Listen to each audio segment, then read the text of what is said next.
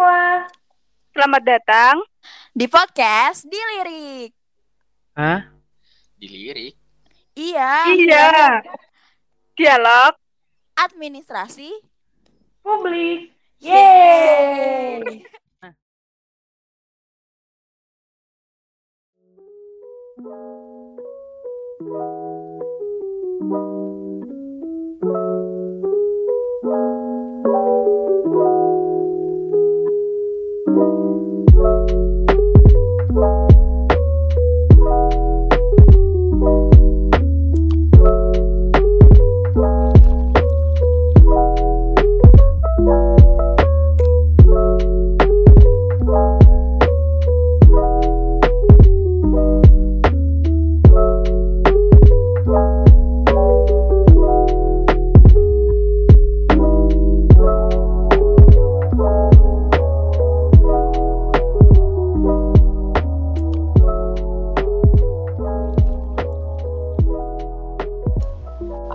Assalamualaikum warahmatullahi wabarakatuh. Shalom, Om Swastiastu, Namo Buddhaya. Salam kebajikan bagi kita semua. Hai guys, perkenalkan nama saya Alfa Febrian sebagai moderator pada podcast Dilirik pada kali ini. Nah, hari ini kita kedatangan tamu dari BPH, yaitu Ketua dan Wakil Ketua BPH. Boleh dong Kak perkenalkan dirinya? Halo semuanya, kenalin nama aku Indina Alifah, biasa dipanggil Indina. Aku domisili di Karawang, Jawa Barat, dan di Himpunan Administrasi Publik Rembang, aku sebagai ketua himpunan. Di sini aku nggak sendiri loh, aku ditemenin sama Muhammad Cesar. Aku serahkan ke Cesar. Halo semuanya, teman-teman publisian. Uh, aku Muhammad Cesar Putra, biasa dipanggil Esa uh, atau Cesar atau Putra, terserah uh, teman-teman semuanya. Alhamdulillah aku sama Indina berkesempatan hadir nih di podcast kali ini. Oh iya, uh, asalku tuh dari Depok ya teman-teman, dari Depok Jawa Barat. Uh, terus juga uh, aku di sini uh, dalam periode HMPS yang pertama ini aku diamanahin jadi wakil himpunan gitu, wakil ketua himpunan. Oke, terima kasih Dina Esa. Nah, kalian itu kan dari BPH nih. BPH itu tugasnya apa aja sih? Mungkin boleh Indina dulu nih yang jawab. Oke Alfa, di sini aku mau menjawab nih pertanyaan seputar BPH. Yang pertama itu tadi ada tugas dari BPH itu sendiri. Nah, kalau misalnya menurut aku, tugas dari BPH itu yang pastinya secara garis besar itu mengawasi dan mengkoordinasikan bidang-bidang yang ada di himpunan itu sendiri. Selain itu, kita juga bisa membuat pemenang atau mengambil keputusan di setiap program kerja-program kerja yang mereka ajukan. Gitu, Alfa. Wah, banyak juga ya ternyata. Gimana nih kalau dari Esa, ada tambahan nggak? Um, kalau dari aku pribadi sebenarnya sama aja sih ya kayak yang tadi poin-poin disebut sama kahim aku nih cie lah Indina. Uh, mungkin tambahannya dari aku tuh lebih apa ya kita tuh selaku BPH uh, atau kepanjangannya itu Badan Pengurus Harian kita tuh lebih ngewakilin satu himpunan gitu di muka umum misalkan uh, kayak diundang nih ke salah satu acara televisi. Nah, kemungkinan besar yang bertanggung jawab dan yang ngebawa nama himpunan kita Administrasi Publik Kampus Rembang ini ya BPH sendiri gitu. Terus juga uh, apa ya? Kita juga yang ngebuat peraturan-peraturan gitu. Peraturan tentang uh, himpunan administrasi publik kampus Rembang ini. Itu aja sih kalau dari aku. Oh, jadi BPH itu tuh kayak mukanya dari suatu ormawa gitu ya. Nah, gimana sih dalam keadaan yang serba daring ini, gimana cara kalian ngelakuin tugas-tugas tadi seperti uh, koordinasi sama mengawasi bidang bidang-bidang lain tersebut?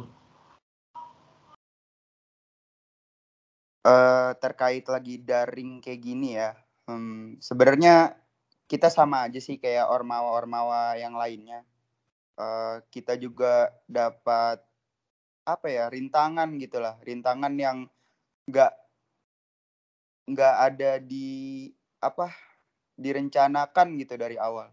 Tiba-tiba eh, semenjak corona menyerang eh, ya kegiatan-kegiatan himpunan jadi eh, bisa dibilang berantakan gitu kan. Jadwal-jadwal kita bikin ulang eh, dan banyak proker-proker yang nggak bisa dilakukan karena keadaan harus mengharuskan kita mengadakan proker itu online gitu. Nah, kalau ya daring ini ya salah satunya kita selalu menjaga komunikasi sih melewati rapat-rapat di eh, via MS Teams gitu. Eh, berhubung di Undip sendiri yang difasilitasi pakai MS Teams Eh, dan juga eh, ini malah menurutku memudahkan ya, memudahkan dalam eh, networking sama ormawa-ormawa lainnya gitu. Di mana kalau yang tadinya offline itu kita harus ke tempat gitu, ke tempatnya eh, ormawa lainnya. Tapi sedang sedangkan waktu da- via daring kayak gini kita tinggal menghubunginya dan ngajak rapat via Zoom ataupun MS Teams gitu. Eh, ya seperti itu sih kalau dari aku. Nah, aku setuju banget nih sama Esa. Kenapa komunikasi? Karena menurut aku dan teman-teman lainnya, komunikasi itu sebagai satu-satunya jalan yang bisa kita lakukan untuk mempermudah sekaligus mengembangkan program kerja-program kerja kita sendiri gitu. Jadi komunikasi itu sangat penting mau itu di internal mau- maupun di eksternal himpunan itu sendiri. Gitu sih Alfa. Oh iya, sama eh, ini sih kalau semisal tugas-tugas di BPH sendiri kan kebanyakan emang apa ya eh, buat menyatukan himpunan gitu ya, baik itu satu bidang ataupun per bidangnya gitu dari bidang satu ke bidang dua. BPH tuh eh, ada tugas salah satu tugasnya merangkul satu himpunan agar menjadi dekat gitu. Nah, kenapa tadi dari awal aku menyinggung komunikasi? Karena apa ya, bila komunikasi putus gitu karena COVID-19 ini, eh, sepertinya buat buat mengadakan proker sendiri itu jadi lebih sulit gitu. Kenapa lebih sulit? Karena tidak adanya pendekatan atau komunikasi yang berjalan gitu. Sedangkan kalau dari komunikasinya berjalan dengan lancar, otomatis eh, aku menganggapnya himpunan kita menjadi bisa lebih dekat dan terus eh, proker-proker yang dijalankan dengan keadaan daring ini bisa lebih lancar lagi seperti itu sih Alfa. Iya nih, bener banget apa kata Esa. Jadi di komunikasi juga kita bisa meningkatkan kualitas-kualitas kita terhadap kinerja-kinerja di BPH itu sendiri karena komunikasi itu bisa menjadi salah satu tantangan yang cukup berat di situasi pandemi ini gitu. Wah emang nih kalian berdua nih emang bener-bener cocok banget jadi muka dari BPH nih. Dari tadi soalnya ngomonginnya komunikasi-komunikasi kan ya. Apalagi komunikasi itu merupakan prinsip dasar penting dalam suatu administrasi. Emang pantas banget kalau kalian berdua ini disebut sebagai anak dari administrasi publik Undip. Nah, sekarang pertanyaan selanjutnya nih. Tadi kan udah tantangan dari apa? daring ya. Nah, sekarang dari dari segi posisi atau jabatan nih. Apa aja tantangan kalian ketika menjadi ketua dan wakil ketua dari BPH di HMPS APR ini? Mungkin dari Indina dulu boleh?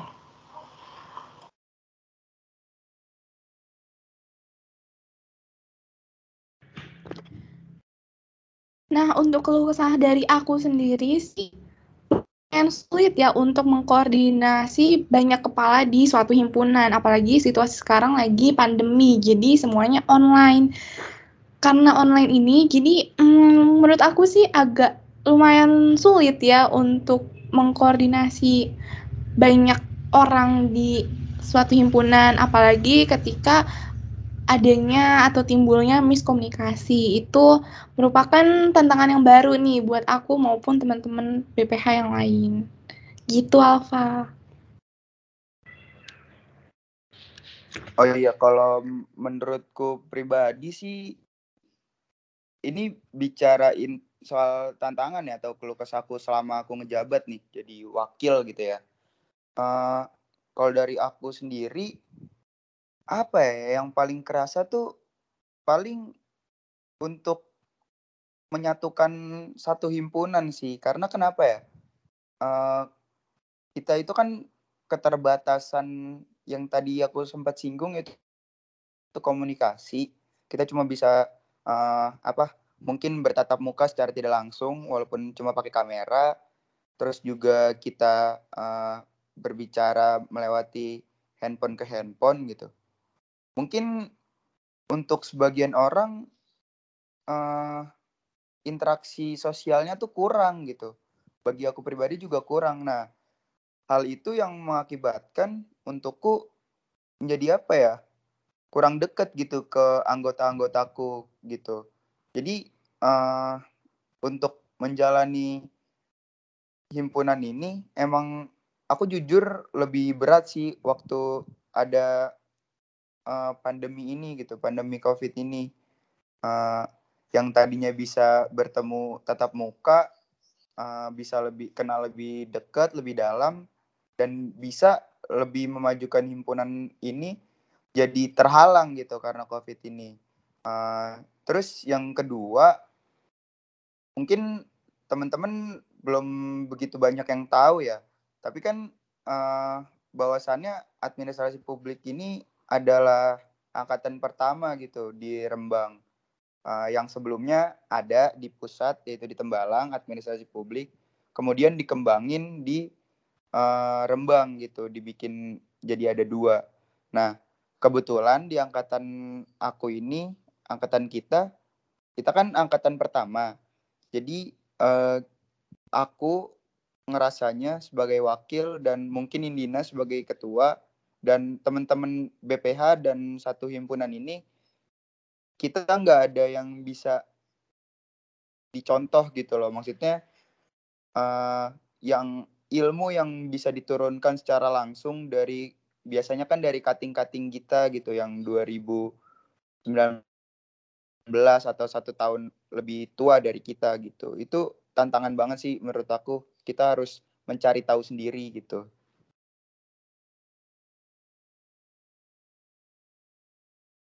Oke deh, berarti emang bener ya. Apa apalagi kalau misalnya di suatu himpunan itu kan banyak banget kepala atau circle-circle ya yang punya apa kayak aturan main sendiri gitu ya. Emang susah untuk nyatu ini emang ini kayaknya jadi tantangan banget jadi ketua dan wakil ketua dalam mempersatukan semua circle-circle atau individu-individu di satu himpunan itu. Nah, sekarang kita masuk ke pertanyaan terakhir nih. Kira-kira kapan sih HMPS Administrasi Publik Kabupaten Rembang ini bakal membuka open recruitment untuk masuk ke HMPS ini. Oh iya, untuk open recruitment sendiri itu sebenarnya ada dua ya, uh, Alfa. Yang pertama itu secara umum bisa dikatakan open recruitment juga, yaitu open recruitment untuk magang, di mana biasanya diikuti oleh maba-maba nih, mahasiswa-mahasiswa baru yang baru uh, masuk pada tahun ini di mana semester-semester satu mereka yang seharusnya belum bisa berorganisasi gitu. Tapi di sini diberi kesempatan oleh himpunan kita untuk magang gitu. Agar merasakan nih gimana sih keadaannya di himpunan ini. Nah, untuk waktunya sendiri uh, untuk magang ini ya, open recruitment yang untuk magang ini atau di himpunan kami itu biasa disebut staff muda. Uh, nah, untuk open recruitment staff muda ini uh, kita belum ada waktu fixnya ya, maksudnya uh, dari tanggal berapa sampai tanggal berapanya. Tapi kemungkinan besar kita adakan di Oktober nih, Alfa. Nah, aku sekalian promosi Alfa untuk teman-teman yang dengar, publisian yang dengar, yang sekiranya uh, tertarik banget nih untuk belajar berorganisasi bareng, sama-sama belajar bareng. Gimana sih kehidupan berorganisasi di kampus gitu. Bisa banget nih buat join himpunan kita, Himpunan Administrasi Publik Kampus Rembang.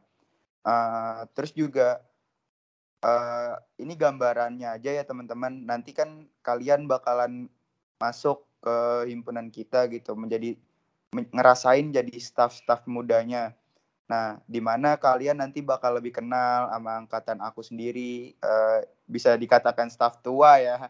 Uh, jadi staff-staff yang ada di uh, himpunan yang sekarang ini bisa sharing ke kalian gimana pengalamannya selama setahun ini ngejabat dan terus uh, kalau bisa di tahun-tahun berikutnya staff-staff yang akan datang itu lebih baik daripada staff-staff di angkatan aku ini gitu. Oke, okay. uh, eh, mungkin uh, kalian nih yang uh, beranggapan ah nanti aja deh di open recruitment kedua karena kan tadi aku sempat bilang ya oprek itu ada dua nih Alfa. Yang pertama itu magang. Nah oprek yang kedua ini kemungkinan besar diadakan di Januari dan mungkin kebanyakan pada mikir ntar aja ya karena eh, nggak uh, usah buru-buru banget gitu kenapa harus di bulan-bulan Oktober sedangkan ada juga yang di bulan uh, Januari dan itu sudah menjadi staff ahli atau yang tadi aku sebut staff tua itu yang udah lama. Nah, uh, buat staff-staff ahli ini itu kan langsung ya teman-teman. Tapi pemilihannya itu kalau boleh aku spill nih ya, itu juga ngelihat uh, gimana kerjanya kalian saat magang loh. Jadi kalau kalian emang bener-bener pengen di himpunan nih dan kalian ngikutin dari magang, otomatis kalian di oprek yang kedua nanti di bulan Januari uh, bisa apa ya peluang masuk itu lebih besar bukan begitu Indina?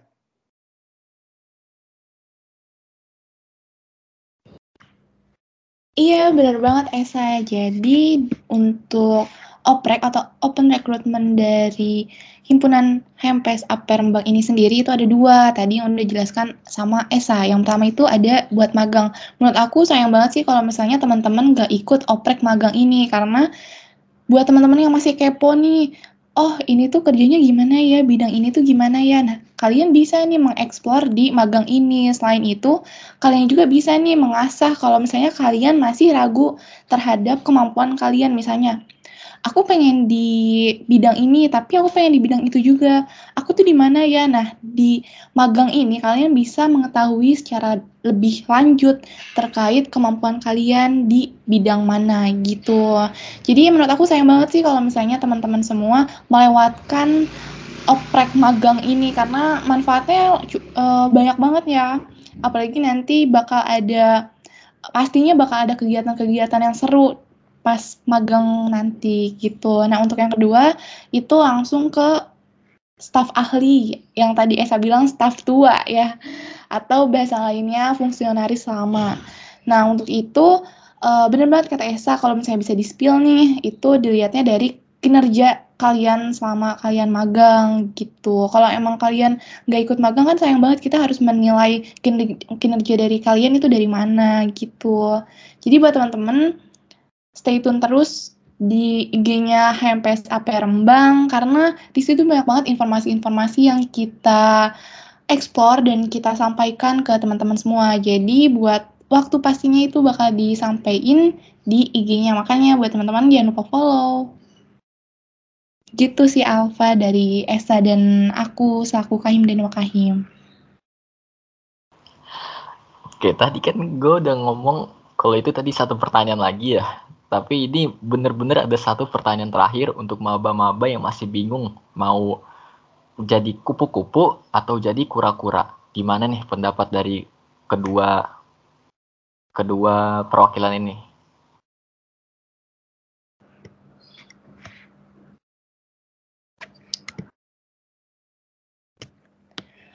Oke, nah mungkin dari teman-teman semua ini ada yang belum tahu apa sih itu kupu-kupu dan kura-kura. Jadi buat kupu-kupu itu istilah dari kuliah pulang, kuliah pulang. Kalau misalnya kura-kura itu kuliah rapat, kuliah rapat. Jadi kupu-kupu itu kuliah pulang kuliah pulang, kalau kura-kura kuliah rapat kuliah rapat. Diingat ya teman-teman.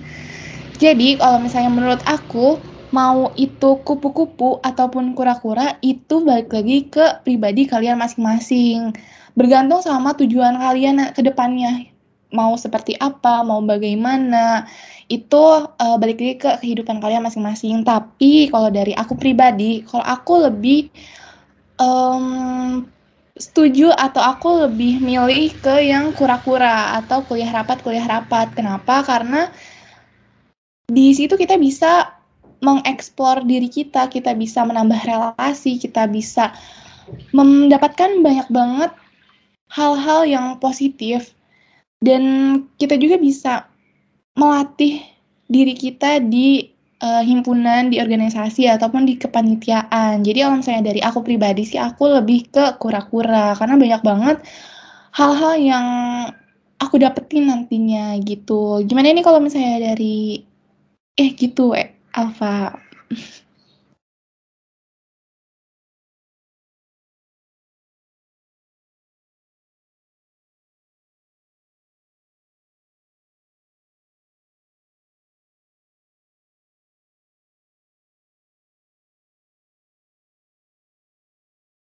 Iya benar banget sih. Uh, tadi mungkin kalian udah tahu ya dan uh, itu sebenarnya udah rahasia umum ya untuk mahasiswa-mahasiswa gitu.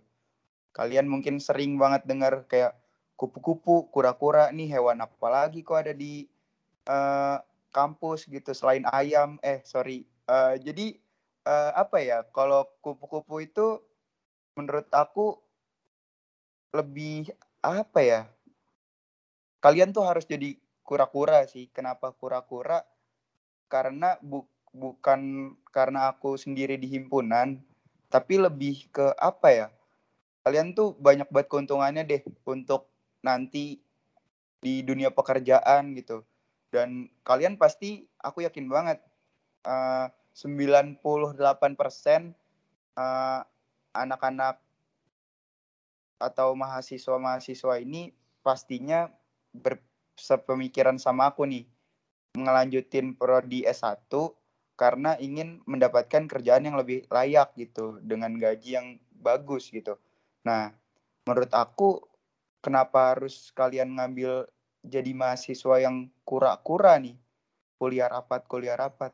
Kalian tuh uh, bakalan banyak banget untungannya deh ketika kalian ikut organisasi, bukan cuma organisasi himpunan administrasi publik Rembang doang ya. Tapi kayak organisasi UKM ataupun yang lainnya itu kalian kudu banget sih namanya ikut-ikut kayak gituan.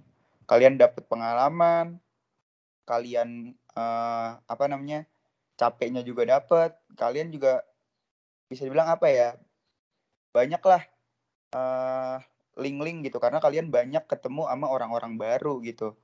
Mungkin nanti teman kalian yang satu UKM atau satu himpunan itu itu ada yang kerja di mana kalian bisa uh, dapat informasi kerjaan lebih lanjut gitu sama dia gitu. Nah kenapa aku menyayangkan kalian jadi kura-kura? Eh salah sorry maksudku itu kupu kupu-kupu gitu. Kuliah pulang kuliah pulang. Untuk apa gitu habis kuliah itu pulang gitu? Uh, dan mungkin kalian berpikiran kalau kuliah pulang itu selalu saja kayak lebih baik gitu ya karena mendapatkan cum laude, mendapatkan nilai IPK yang tinggi. Uh, ya menurut aku buat sekarang ini di Indonesia untuk mencari pekerjaan itu kita sudah tidak dilihat lagi kalian lulusan mana, kalian uh, ijazahnya itu S1 apa atau mungkin D3 apa nggak di nggak begitu disorot gitu. Ya seperti yang di luar. Kalian itu memiliki keahlian apa? Uh, nah kalau buat di Indonesia sendiri aku lebih prefer ke kura-kura kuliah rapat kuliah rapat. Karena kenapa? Emang benar sih teman-teman aku nggak bisa bohong kalau kura-kura itu capek banget. Apalagi kalau kalian nanti offline. Uh, kalian tuh emang bakalan lebih sedikit sedikit ketinggalan tentang materi pembelajaran gitu tapi bukan berarti kalian nggak belajar ya teman-teman, tapi kalian bisa uh, ngedapetin kumlot juga kalau kalian ekstra lebih lebih uh, memper apa ya memperjuangkan nilai-nilai kalian gitu selama perkuliahan. Tapi kebanyakan anak-anak kura-kura ini kuliah rapat kuliah rapat ini lebih fokus ke ormawa-ormawa yang ada di kampus gitu. Nah biasanya nih anak-anak yang uh, susah diem gitu. Orang-orang yang uh, banyak interaksinya banyak bersosialisasinya itu lebih cocok ke kura-kura gitu. Dan nggak sedikit juga anak-anak yang pendiam ketika dia menjadi kura-kura kuliah rapat kura kuliah rapat mereka itu uh, apa menjadi lebih aktif lagi gitu teman-teman dalam kehidupannya.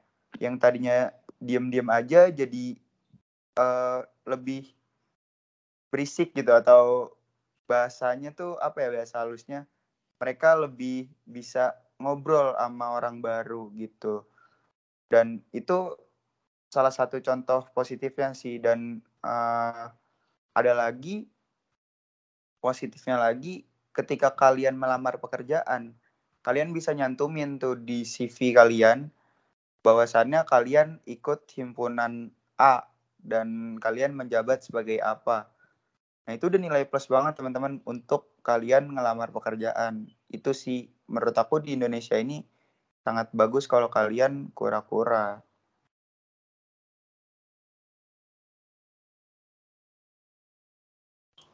Oke, terima kasih Dina dan Esa atas apa penyampaian pengalamannya dan sudah menjawab pertanyaan-pertanyaan dari aku, Alfa Febrian.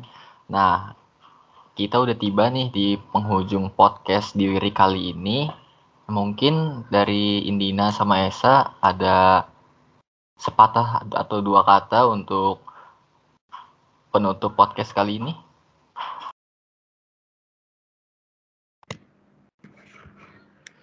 Oke, yang pastinya aku mau mengucapkan selamat datang nih, terutama buat teman-teman administrasi publik Rembang yang angkatan kedua, yang 2021. Selamat datang buat kalian semua. Jangan lupa buat jaga kesehatan, terutama buat anak-anak himpunan nih, pengurus-pengurus himpunan, karena kalian pasti capek banget kan. Terus tetap jaga prokesnya, jangan lupa buat ikut dan daftar diri kalian di HMPS APR. Jangan lupa juga follow IG-nya HMPS APR Rembang. Oke Indina, terima kasih atas kata-katanya untuk mahasiswa baru. Nah, gimana nih kalau dari Esa ada mungkin kata-katanya? Uh, satu kata ya, Pak tadi. Uh, kalau dari aku satu kata aja, lawan gitu.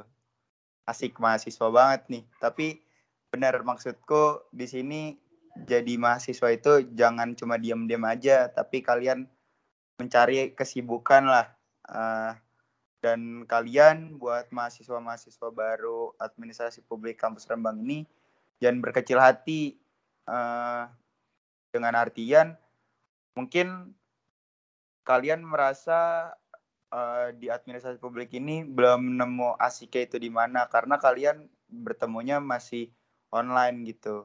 Tapi ketika kalian offline, sebenarnya administrasi publik kampus Rembang ini sama-sama aja kayak kampus-kampus lainnya. Intinya satu kata kalau dari aku lawan gitu. Oke, terima kasih Indina dan Esa atas patah kata dan dua katanya. Jadi untuk podcast dilirik kami pada kali ini aku tutup ya teman-teman publishers. Terima kasih telah mendengarkan. Wassalamualaikum warahmatullahi wabarakatuh.